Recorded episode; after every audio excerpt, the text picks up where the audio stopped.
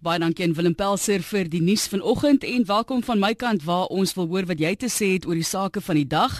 Gister in RSG Finansies het ons reeds gesels met mense van byvoorbeeld PSG oor die samehorigheid as dit kom in die finansiële en ekonomiese wêreld oor die impak van politiek op ons ekonomie en byvoorbeeld reeds op ons rand na aanleiding van onlangse gebeure. En as mense dit kan ver terugvat en kyk na die wisselwerking van ekonomie en politiek, dan kyk jy selfs na Engeland as mense dit as 'n voorbeeld kan gebruik met die sogenaamde serfdom. Gaan Google dit dan kan jy sommer sien wat die geskiedenis van kapitalisme ook is in die wêreld en die feit dat soveel mense van landelike gebiede opgeruk het en 'n rebellie teen die stelsel gehad het, na stede toe getrek het, so het die industriële revolusie begin en so het ons vandag kapitalisme en so die impak wat politiek op die ekonomie het en die wisselwerking daar tussen die twee kan nie van mekaar geskei word nie. Ons kyk na ons gebeure in Suid-Afrika ook en die impak wat dit byvoorbeeld het op die rand. Ek uh, sien ten minste dat ekonom Dawie Rood sê ons gaan nie draai by R20 teenoor die dollar nie nie, maar ons hoor wat ons gaste vandag sê hier op RSG. Hulle is professor Janie Rousseau van die Skool vir Ekonomiese en Sakewetenskappe by Wits en voormalige adjunk hoofbestuurder van die Suid-Afrikaanse Reserwebank en dan ook Theo Venter, hy's 'n politieke ontleder by die Noordwes Universiteit se Besigheidsskool. Plaaslik kyk ons ook na die klag wat nou gelê is teen die minister van Finansies, Pravin Gordhan en die politieke aspekte wat daarbey betrek word. Ons welkom beide ons gaste hier op lig. Môre menere, eerstens kan ek vir jou vra professor Rousseau nou van jou perspektief af ook met jou agtergrond van die Reserwebank en ekonomiese sake wetenskappe by Wits die impak wat ekonomie het op die politiek en die wisselwerking tussen dit kan 'n mens nie skei van mekaar nie. Selfs as jy nou kyk na daai geskiedenis in Engeland en wat tans gebeur in Engeland en die impak wat Brexit gehad het op die pond byvoorbeeld op hierdie stadium. Dit is die die, die twee loop so nou in mekaar jy kan dit nie skei nie. Goeiemôre Martelies môre toe en goeiemôre aan ons luisteraars Maar te lief wat ons op die oomblik in Suid-Afrika sien is presies die vermenging van politiek en ekonomie. Dit goed gegaan het met ons ekonomie. Die ekonomie vinnig gegroei het, het die kom ons noem dit die ekonomiese brood. Ek weet mense praat graag van ekonomiese koek, maar ek is ek hou meer van die woord ekonomiese brood. Die grootte van die ekonomie het elke jaar toegeneem. En daar was dus groei wat ons vir herverdeling kon gebruik. Op oomblik is daar nie ekonomiese groei nie dit wat ons het om te verdeel bly van presies dieselfde grootte en daarom is daar vreeslike druk op die herverdeling van bestaande welvaart op die oomblik. Die diepste is dat die politieke onrus wat ons op die oomblik sien. En as 'n mens kan kyk na die verskillende oorsake, jy verwys na politieke onrus, watter impak byvoorbeeld het die internasionale uh, ekonomiese speelveld op daardie tekort aan groei? Natuurlik, uh, as internasionale ekonomie stadiger groei, dan uh, sal Suid-Afrika se ekonomie stadiger groei. Maar ek moet daarom sê ons vreeslose leier meneer Jacob Zuma is ook nou nie eintlik 'n inspirerende persoon wanneer dit by ekonomiese groei kom nie. Hy sien ons deurgaans die indruk dat hy net vir homself omgee, dat hy nie vir die land omgee nie. Suid-Afrikaners moet ophou om die fout te maak dat meneer Zuma omgee. Hy gee gewoon net nie om nie. So ons het inspirerende leierskap nodig wat vir die land 'n nuwe droom gee dat ons weer vinnige ekonomiese groei kan kry, dan sal dit eers hier na die aftrede van ons huidige vreeslose leier in 2019. So ons moet droom van 'n visie 2020 hoe ons weer die ekonomie aan die gang kan kry. As mens nou kyk ook die vente politieke ontlede by Noordwes Universiteit se besigheidskool, die wisselwerking wat ek nou genoem het tussen politiek en ekonomie, die stabiliteit wat altyd binne die ministerie van finansies gelê het. Uh, dit voel asof daai die, die stabiliteit of daai stabiliteit nie nou daar is nie. Ek dis dalk 'n onderskatting daarvan, maar jou posisie daaroor oor die geskiedenis van die stabiliteit en as mens ook kyk na hoe die groei in die ekonomie oor die jare verander het. Ja, goeiemôre ook aan Jannie en groete uit Potchefstroom.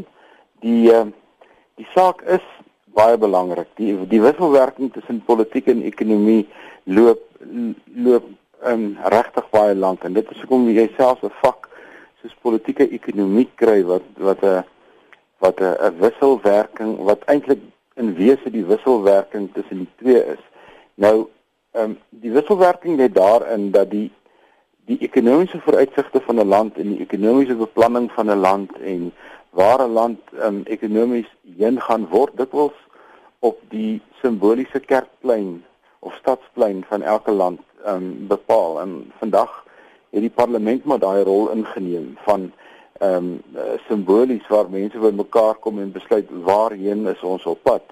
Die dilemma wat Suid-Afrika op die oomblik het, is dat die die die vraag wie neem daai besluit en waar word daai besluite geneem? Dit dink ek is ons grootste uitdaging en ek dink Janie het dit in ekonomiese terme baie duidelik gestel oor oor die siening oor ons president, maar dis dis dit gaan dit gaan selfs verder as dit. Ons het dan die laaste wel seker van Maart maand af is daar die onsekerheid oor ons minister van finansies en ons minister van finansies is 'n sleutelspeler in die ekonomiese lot van 'n land. Hy's 'n sleutelspeler polities en hy bepaal eintlik wie kry wat op 'n baie georganiseerde manier wat ons die begroting noem. En as jy daardie persoon wat een van jou belangrikste ministers is, se posisie in in in uh, totale onsekerheid hul, dan moet ons nie bekommerd wees en dan moet ons nie skrik as die as die rand volatiel raak, wisselvallig word, ehm um, mense onseker is oor waar die land heen is nie. Soos ons op die oomblik met mekaar praat, is dit onseker of die minister van finansies net om 'n voorbeeld te gee van hoe die politieke invloed het, is dit onseker of die minister van finansies minister van finansies gaan bly tot die 2de November toe wanneer hy nou in die hof moet verskyn en of een of ander slim javel in die ANC gaan sê maar wag ons het 'n besluit geneem dat ministers met 'n swaard oor hulle kop soos 'n moontlike klag hulle moet uit die kabinet uit verwyder word en ons moet dit vervang met iemand anders dis 'n onsekerheid ons weet gewoon net nie dit terwyl die president met klagtes oor sy kop al regeer vir die laaste 7, 8 jaar. So dit is 'n dit is 'n baie ambivalente situasie en dis presies wat die ekonomie nie wil hê nie. Die ekonomie soek nie ambivalensie nie. Die ekonomie soek sekerheid en hy soek duidelikheid in beleid en hy soek duidelikheid in die algemene rigting waarheen die land beweeg. Jy luister na praat saam en die idee is dat jy saamgesels. So bel ons hier in die Kaapstad ateljee 0892101004. Jy kan vir my korter boodskappe stuur via SMS 34024. Dis 'n rand per SMS of langer boodskappe via ons webblad. Daar's 'n skakel wat sê stuur e-pos aan die ateljee en dit is op rsg.co.za. Nou hoor ons byvoorbeeld vir oggend ehm um, daai prioriteitslys van klagte wil ek nou nou aanraak want hoe word daar besluit sal ek ook graag wonder wat is die prioriteite vir aanklagte? En as ons nou kyk net gevindig in Amerika voordat ons nou kom by die ministerie wat ook nou in Washington was om te gaan kyk of ons ons ekonomie daarby hulle kan versterk of die siening van ons ekonomie kan versterk, beleggingsvertroue kan inwin van daardie perspektief af en nou het ons hierdie situasie wat ons nou weer in die gesig staar. Nou kyk jy na iemand soos Trump wat sê nee, as Clinton wen, gaan sy die grense oopmaak, dis vrye mark, daar gaan jou besigheid. So daardie tipe van speelbal word ook baie gebruik in die politiek om mense tipe van bang ook te maak. So As jy mens kyk na die impak wat voordat ons nou kom by daardie um, besoek in Washington en hoe dinge dalk nou verander het en hoe dit nou weer verander het. So 'n ligtepunt en dan iets wat 'n groot negatiewe impak het. As jy mens kan kyk na daai speelbal en die kwessie van vrees wat baie keer by mense ingebring word. Ehm um, as jy nou vir iemand sê kyk, die grense gaan oopgestel word, daar gaan jou besigheid. Dit is nogal 'n groot impak wat dit ook op die siening van die publiek het te voel.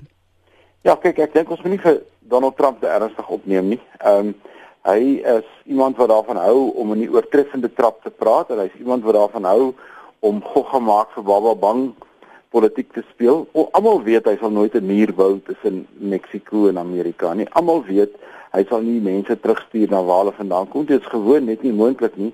Maar ehm um, hy praat na die sentiment van die mense. En dit is dit grens aan wat 'n mens populisme kan noem. As jy vir die vir jou gehoor sê wat jy weet hulle eintlik wil hoor terwyl leierskap is eintlik wat jy vir hulle sê wat hulle moet weet.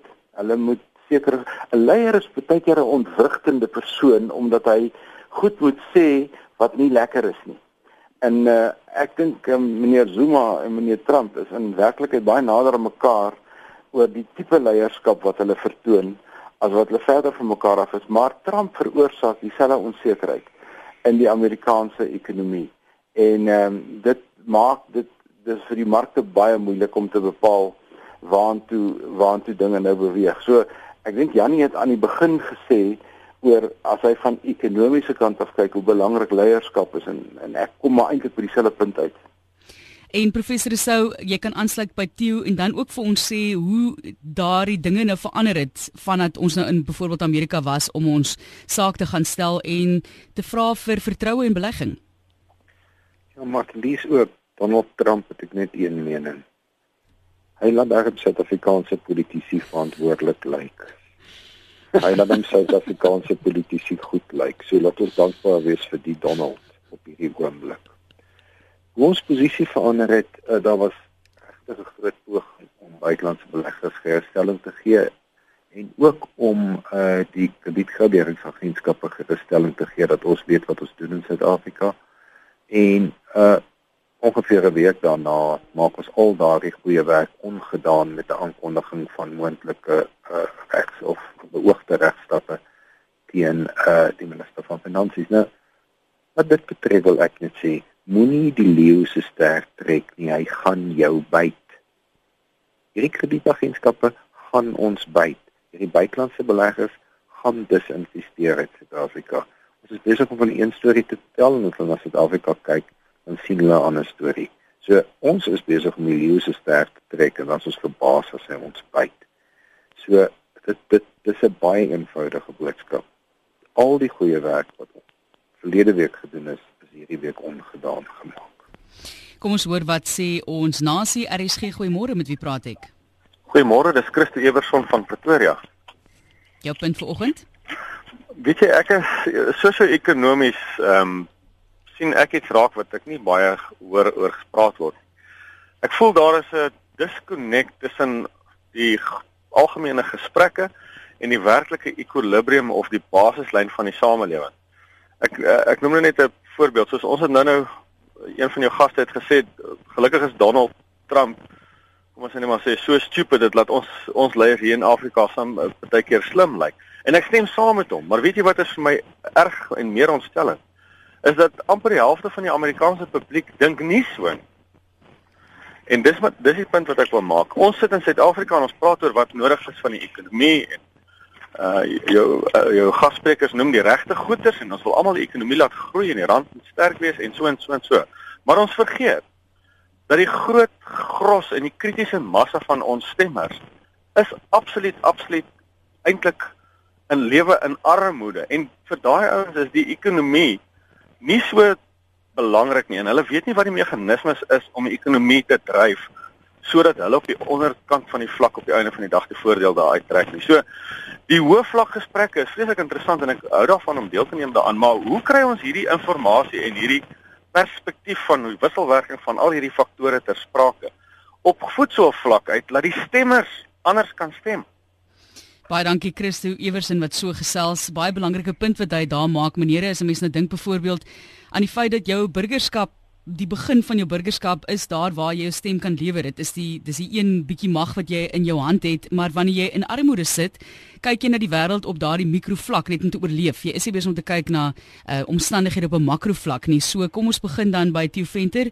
Theo van jou kant af, hoe kan 'n mens boodskappe van hierdie makrobelang wat op die ou end afkom na hulle toe, uh, as 'n persoon op grondvlak deurbring?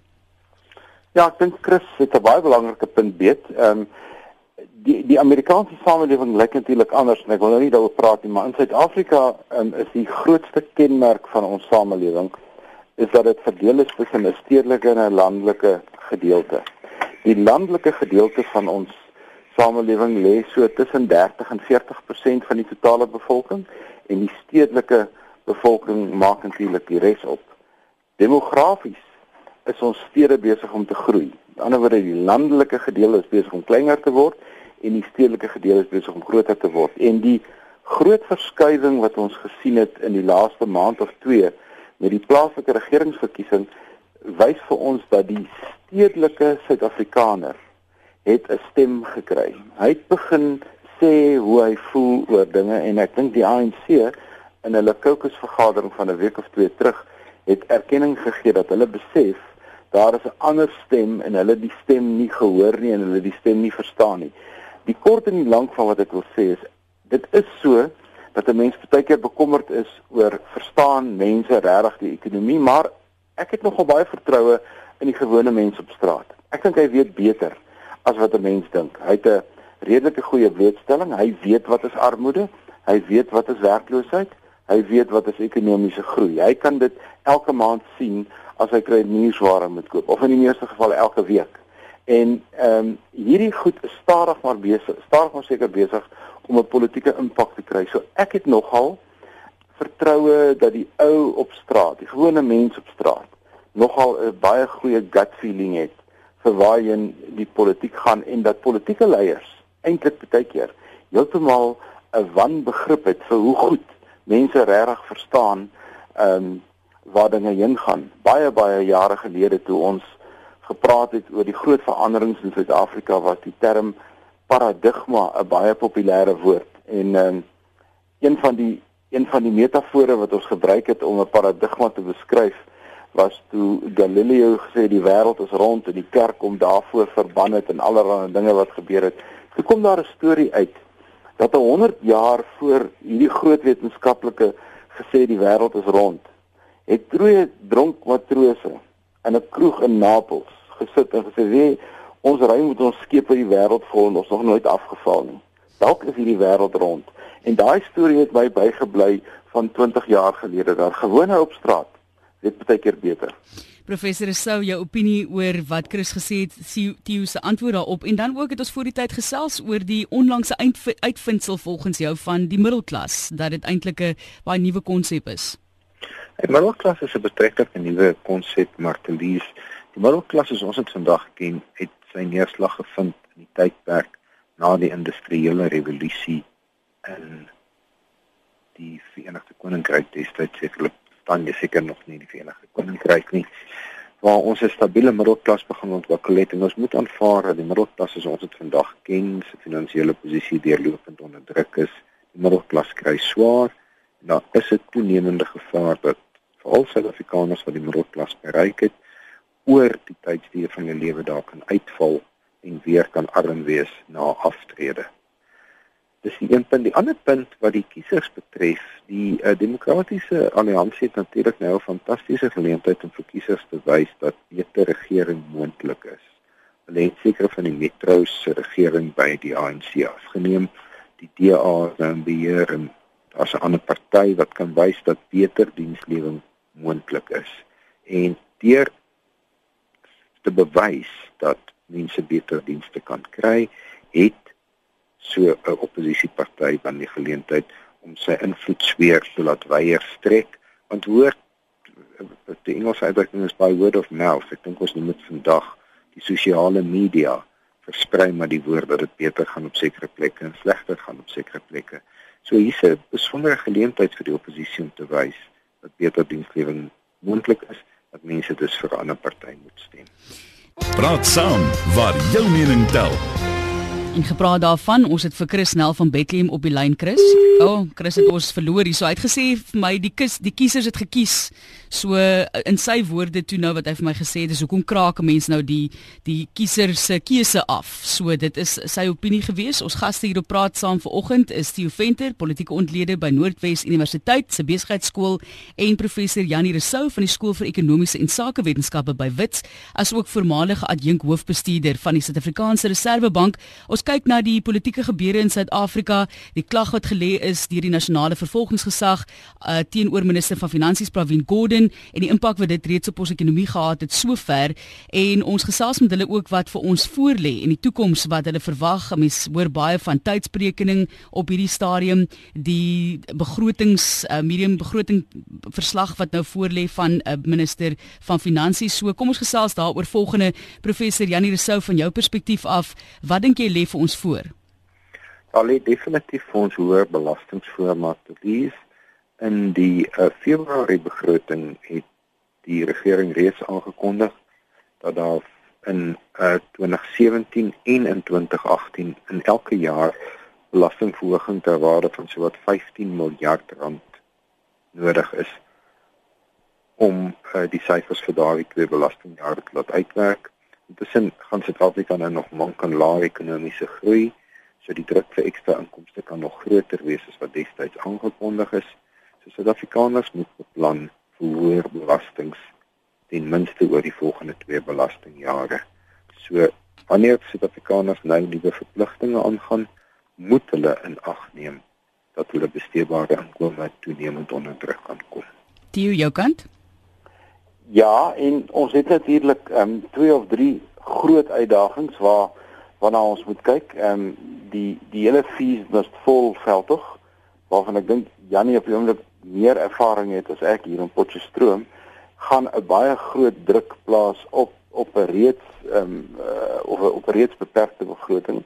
Ons sal moet kyk waarheen die regering neig met sy nasionale gesondheidsprogram wat 'n enorme uitgawe gaan wees oor die volgende paar jaar en dan natuurlik ook um investering in dinge soos kernkrag en en ons grootste probleem in die ekonomie is daaroor almal eens en die ouens wat polities daarna kyk ook dat ons um salarisrekening in terme van die staatsamptenare is heeltemal uit uit uh beheer. En, en en as ons aan hierdie goeders nie aandag gee nie dan dan loop ons um 'n paadjie wat ons oor die lang termyn um baie negatief te staan gaan kom. Maar ek wil ook net reageer op die een vraag. Um ons kan nie die kiesers se besluit bevraagteken nie. Kiesers se besluite word baie keer beïnvloed deur politici ons het net nou oor Donald Trump gepraat as waarskynlik die beste voorbeeld van hoe ehm um, hoe, hoe mense hom steun terwyl ons weet dat dit 'n baie onrealistiese situasie is wat hy skets. Maar daar's 'n wisselwerking tussen leiers en en volgelinge en verantwoordelike politieke leiers sal altyd weet hoe om ehm um, kiesers in 'n sekere rigting te druk en kiesers sal daarop reageer. En beide is veranderlik. Nie een van die twee is 'n permanente situasie nie. So kiesers kan hulle standpunte verander en een van die redes hoekom ek gepraat het vroeër oor die um, landelike Suid-Afrika en die stedelike Suid-Afrika is die stedelike Suid-Afrika pas beter in die prentjie wat Jannie geskets het oor wat 'n middelklas is. Um en stedelike Suid-Afrikaners is besig om met mekaar allerlei goed te deel. Um beperkte paaie, toegang toegang tot stede, potholes, tekort aan water, tekort aan elektrisiteit. Kleur is nie hier 'n onderskeid nie. Um hulle deel presies dieselfde ding. As jy in die landelike omgewing kom, skielik verander die prentjie want nou sit jy met 'n baie groot komponent van Suid-Afrika wat afhanklik is van regeringstoelae. Jy het tradisionele leiers, jy het 'n ander soort politieke uh, landskap en en daar is die ANC redelik sterk in beheer, maar hy stadig maar seker besig om sy beheer en sy amper hegemonie wat hy het oor die stedelike Suid-Afrika se besig om te verloor. Op daai noot het jy vir my gesê vroeër ook die hoe jy wil die vraag vra wie is in beheer? Wie slaan die snaar in Suid-Afrika glo jy? Ja, wel, dit is dit is die een vraag wat ons almal oor spekuleer. Ehm um, wie ehm um, wat gaan aan in ons kabinet byvoorbeeld? Is is dit is dit volhoubaar dat 'n minister Zwane 'n uitlating maak oor die bankwese en ligweg deur die presidentsie ehm um, tereggewys word, maar hy word nie eintlik ehm um, uh, hy, hy is besig om uit die kabinet uit te praat sonder dat daar werklik 'n besluit was. Hoe is dit moontlik dat Des van Rooyen, minister van plaaslike regering, uh op 'n perskonferensie in 'n ander hoedanigheid die minister van finansies kan aantree. Daar is 'n sekere daar is 'n sekere tradisie in in in hoe kabinette funksioneer dat ehm um, kabinette praat uit een mond uit. En dit lyk vir my dit is besig om in Suid-Afrika nou vir uh, heeltemal heeltemal uitmekaar te val. Ehm um, ek weet nie of president Zuma in werklikheid meer volle beheer oor sy kabinet het nie en ek dink as ons nou nog verder teruggaan na na Nene Gate toe in Desember verlede jaar en meneer uh, Jonas wat nog steeds wat jong minister van finansies is kom op 'n op 'n platform en 'n perskonferensie en hy sê baie blaatant wat se aanbod hy gemaak is in die kabinet. En hy is nog steeds in die kabinet. Dan dan sê ek vir myself hier's hier's 'n probleem. Wie se beheer En dan moet jy nou na die party toe gaan en dis die nasionale werkskomitee en die nasionale uitvoerende komitee en jy moet gaan kyk na patronaatskap dan wil dit vir my lyk asof die Zuma presidentskap stadig maar besig is om te verbrokkel. Maar waar dit gaan gebeur en hoe dit gaan gebeur is die groot vraag en dalk is ons besig om presies te praat oor die verbrokkelingspunt en dit is wat hulle met meneer Pravin Gordhan op die oomblik doen. Voordat ons verder gesels, hier is baie terugvoer wat deurgekom het. Interessant ook uh, Theo Venter wat jy nou daar sê as 'n mens dink byvoorbeeld ook aan die ANC en die regering, baie mense sal sê dis een ding want hulle regeer. Maar uh, daar word ook baie kere van uit die twee uit verskillende monde gepraat op kwessies, maar kom ons kyk gou vinnig wat sê mense op die SMS lyn. Die Gordon fiasco het ook op ons gewone mense rampspoedige gevolge. Ons wat vir ons kleinkind in Londen wil gaan kuier, byvoorbeeld lê groot skade met die geldeenheid en iemand sê ons het net 'n beperkte finansies beskikbaar, so dit is 'n probleem daar. Dan sê iemand dis SP wat sê Suid-Afrika kan net met Afrika en Zimbabwe vergelyk word, nie met Europa en Amerika nie. Ons is in ons doetjie doetjie in. Ek bedoel Dankie. Ek gaan nie daai ek, ek, ek dankie dat hy ten minste geskryf het doetjie doetjie doetjie dat ek myself hier vasloop in 'n woord nie. Dan ook iemand wat sê Marlies Gordon moet vervolg word en geskort word. Dis 'n ander SMS. Dan vra iemand hierso vir ons Ehm um, as ons wil verstaan bestudeer die Franse revolusie, dit kom daarvan Ben de Wet en as mense nou dink byvoorbeeld aan die Franse revolusie en die impak wat dit gehad het op hulle monargie wat gelei het later aan tot liberale demokrasie, omtrent geskiedenis wat mense daar in ag kan neem. Ek hoop ek hoop julle skryf neer. Dis maar 'n mond vol met SMS'e. En dan 'n laaste een vir nou. Is dit waar dat diegene wat weet van die tydsberekening van die aanklagte miljoene op die geldmark kan maak? En dit is 'n vraag ook daar by 34024. Kom ons begin by professor Rousseau se antwoorde. Ja, kom ek uh, gaan na die laaste punt, uh die geldmark punt. Kom ek begin met hom. Uh natuurlik as jy vooraf inligting het oor oor gebeure wat markpryse kan verander, kan jy baie geld maak. So iemand wat hierdie inligting voor die tyd gehad het, kan skatryk word hieruit. Ek dink nou nie ons het vanoggend die tyd om daardie uh finansiële bestuur lesing te gee oor presies hoe jy skatryk uit kan word nie. So uh, genoeg as ek sê jy kan skatryk word hieruit. Wat my soms laat wonder of aan nie iewers binne die regering 'n groep is wat gaan skatryk word as Suid-Afrika inderdaad 'n kredietafgradering na rommelstatus kry en alles hulle vermoë doen om dit reg te kry maar miskien het Theo insigte daaroor wat hy met ons kan deel. Maar ek wil terugkom by 'n ander punt wat Theo gemaak het oor die staatsdienssalarisse wat regtig 'n baie groot krisis in Suid-Afrika geword het. Op die oomblik is staatsdienssalarisse gelyk aan 44% van die owerheid se totale inkomste. Dis 'n totaal onhoudbare posisie. Saam met Fanny Uberg en Adel Breitenberg van Unisa se ekonomie departement het ek baie werk hieroor gedoen. Ons het die woord fiskale afgrond ontwikkel. Naamlik Suid-Afrika gaan oor 'n fiskale afgrond stort as dit voortgaan. En hierdie is die een uitdaging wat die regering nou baie baie ernstig sal moet aanpak. Ons kan nie op die tempo voortgaan met staatsdienssalarisse nie.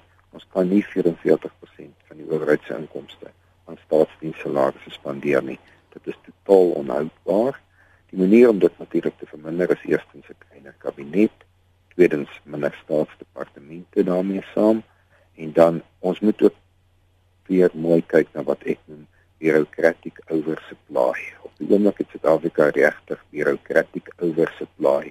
Elke bureaucraat probeer sy of haar eie bestaan regverdig en daarom ons totale stelsel van beheer wat nie baie goed in die publiek se belang werk Theo, ek wil baie graag hoor wat jy ook te sê het. Ek het net goue 'n luisteraar as jy nie omgee of vir hom 'n kans kan gee nie, anders hou die ouens verskriklik lank aan. Why nood van professor Soute loops ook die staatsdienssalarisse wat na gekyk word as 'n oplossing ook vir die feesmas vol kwessie en om fondse daar te soek. Dit het ek ook uh, onlangs in die nuus raak geloop. Jan, jou kant?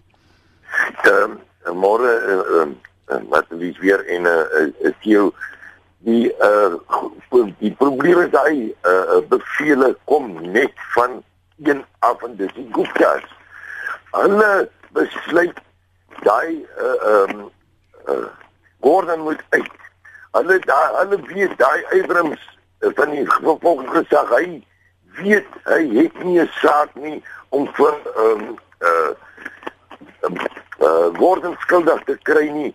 Maar hulle moet net sê dat hulle kan vir Gordon geskort kry want hulle kan nie 'n 'n saak wil nie. Maar omdat uh, druk kom so van buite af, van die Gupta's af, daar moet net 'n saak net 'n saak niemand wil hom gaan wen of verloor, want hulle het nie 'n wensaak nie.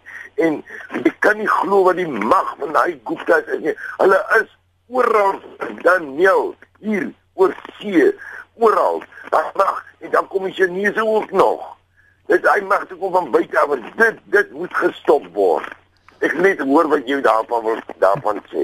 Baie dankie Jan, waardeer jou oproep. Voordat ons nou kom by Jan en die Guptas en selfs die Chinese wat hy daarso by betrek buite invloede van eh, op die land. As ons gou vinnig net kan kyk na jou terugvoer ook op daai uh, eh, SMS'e wat gestel is vroeër, Theo.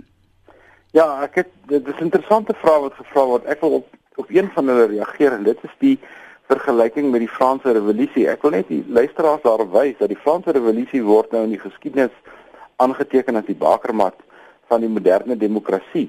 Maar ek dink nie hulle moet vergeet nie dat kort na die Franse revolusie neem daar 'n klein diktatortjie oor met die naam van Napoleon. Dit was natuurlik glad nie demokraties nie. Die die soort demokrasie wat ons aan die Franse revolusie toewys, het 50, 60 jaar later eintlik eers sy beslag gevind, maar die direkte gevolg van die Franse revolusie was 'n diktatuurstaat. En uh die die die die Gupta ding wil ek miskien net noem dat die Guptas is maar een van 'n klomp faktore wat in hierdie hierdie nuwe moderne woord wat ons gebruik staatskaping genoem word. Maar ons ek dink nie hulle is die enigste nie. En ek dink wat hulle onderskei van 'n klomp ander belanghebbendes is die arrogansie waarmee hulle optree.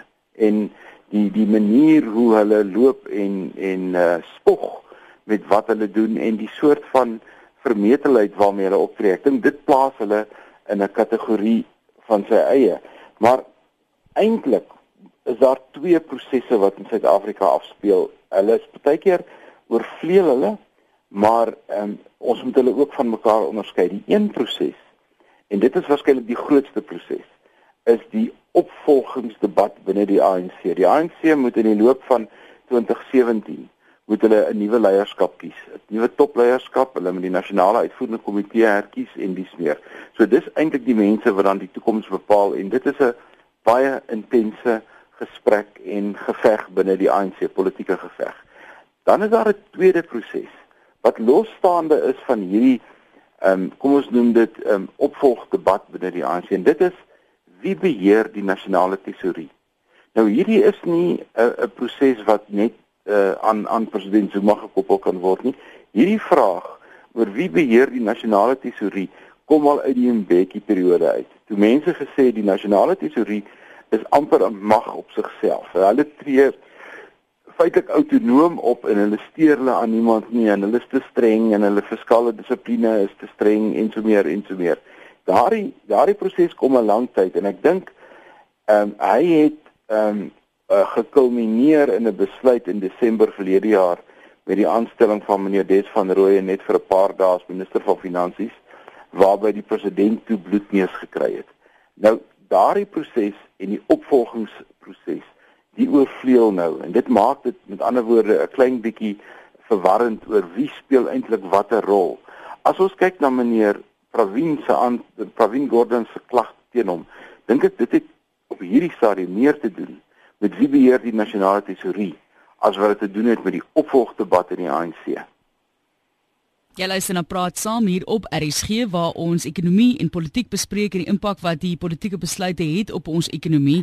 'n Hele paar mense wat daarop kommentaar lewer en dan soos ek nou gesê het laasens ons uh, inbeller van uh, Jan Ellis, jou kant professor Rousseau en die buiteinvloede soos byvoorbeeld die Guptas. Want Lies, ek het nog altyd gewonder hoe word 'n mens die Gupta? Niemand kon dit nog mooi vir my verduidelik nie.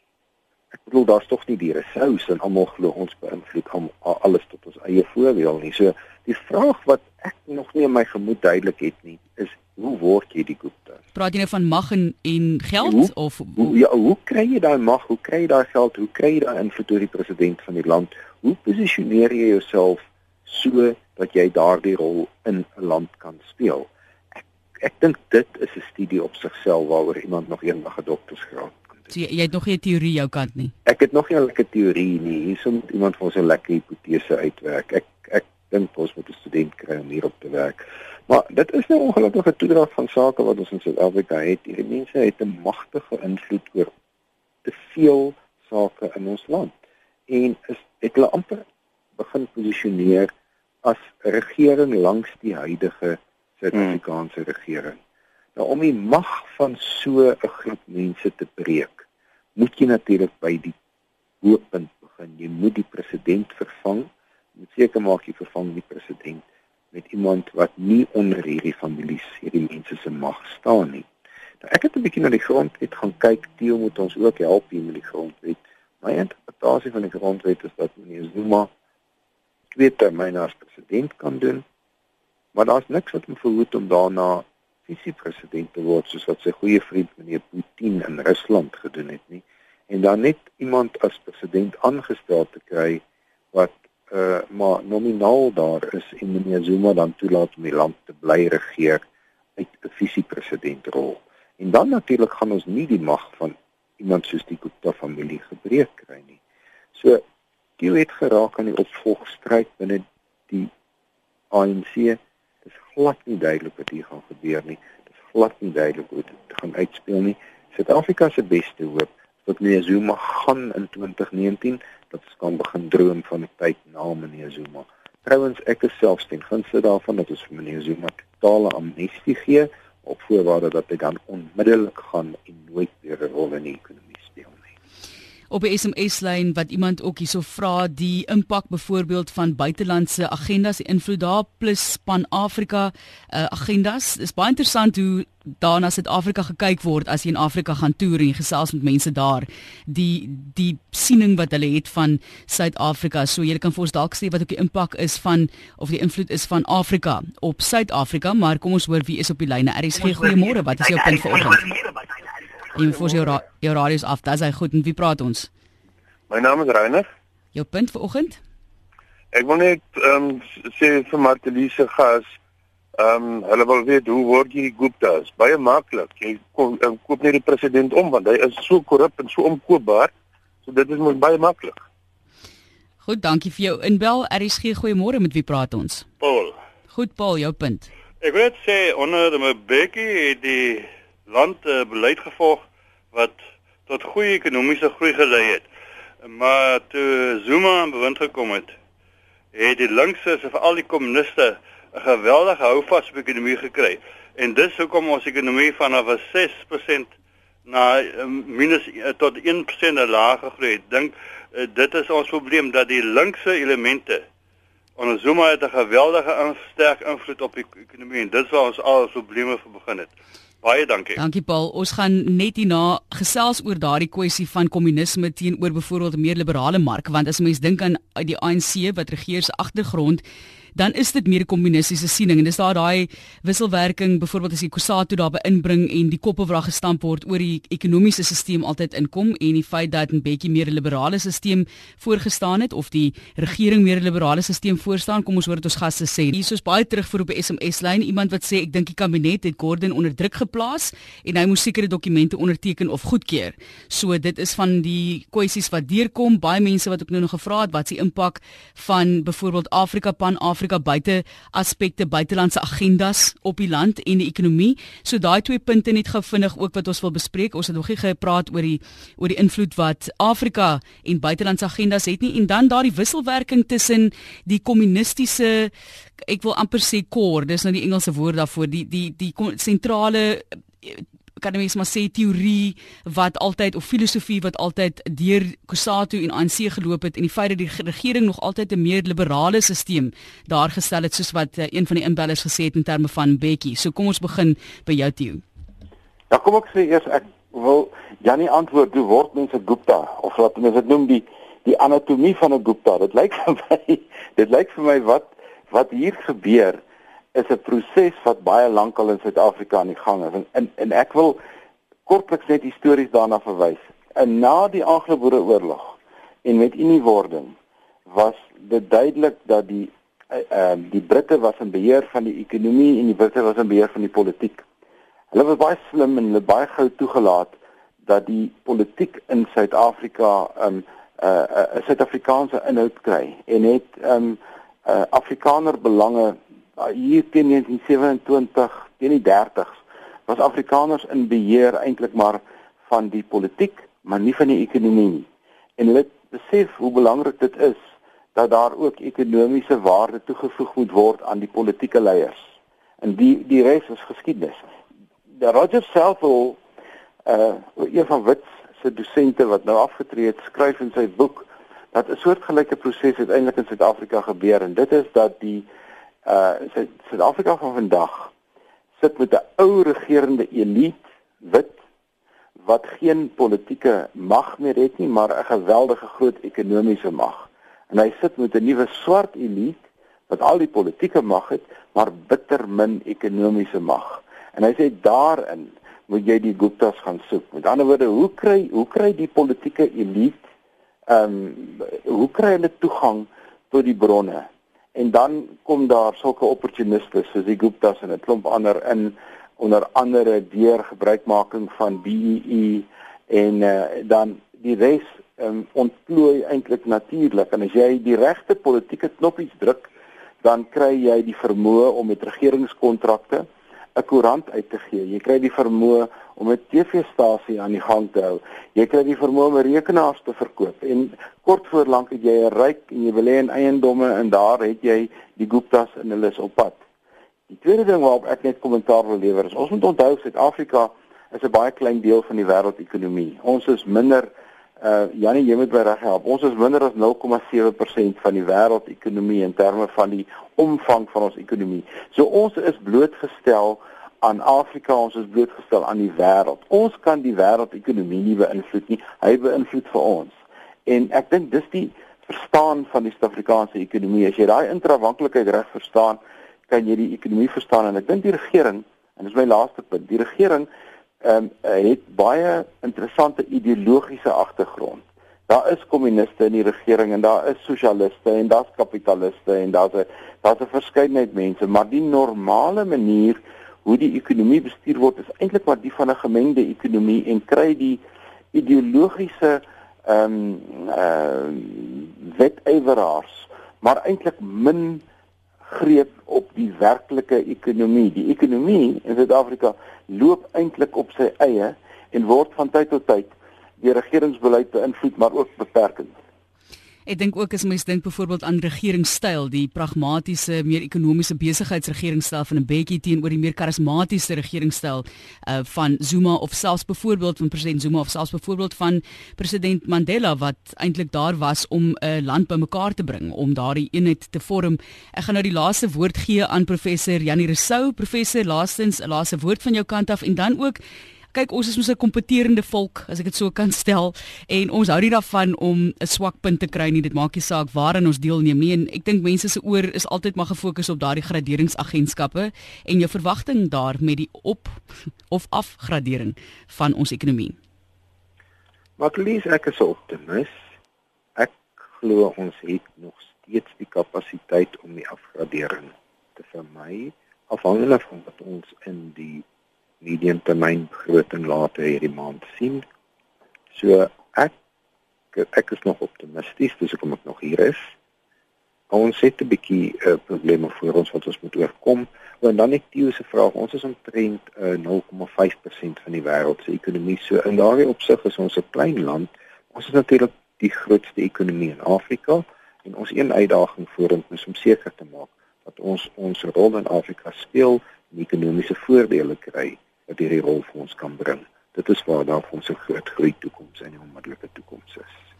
En dit is die gas professor Janie Rousseau wat so praat en vandag se praat saam afsluit. Hy is van die skool vir ekonomiese en sakewetenskappe by Wits en voormalige adjunk hoofbestuurder van die Suid-Afrikaanse Reserwebank, ook Theo Venter, politieke ontleder by die Noordwes Universiteit se besigheidskool. En soos wat eh, Christo byvoorbeeld ook gesê het, ons praat baie in 'n hoër vlak volgens hom nou oor hierdie tipe van onderwerpe, maar so leer ons ook en gaan ons vorentoe en verstaan ons ook die stelsels wat ons lewens direk beïnvloed op 'n uh, programme soos Praat Saam. So sê baie dankie vir jou deelname.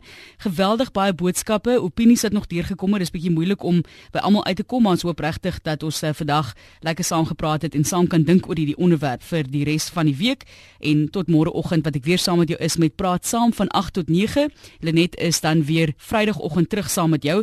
Vir my kan Marlies lekker dag verder en baie dankie aan my gaste.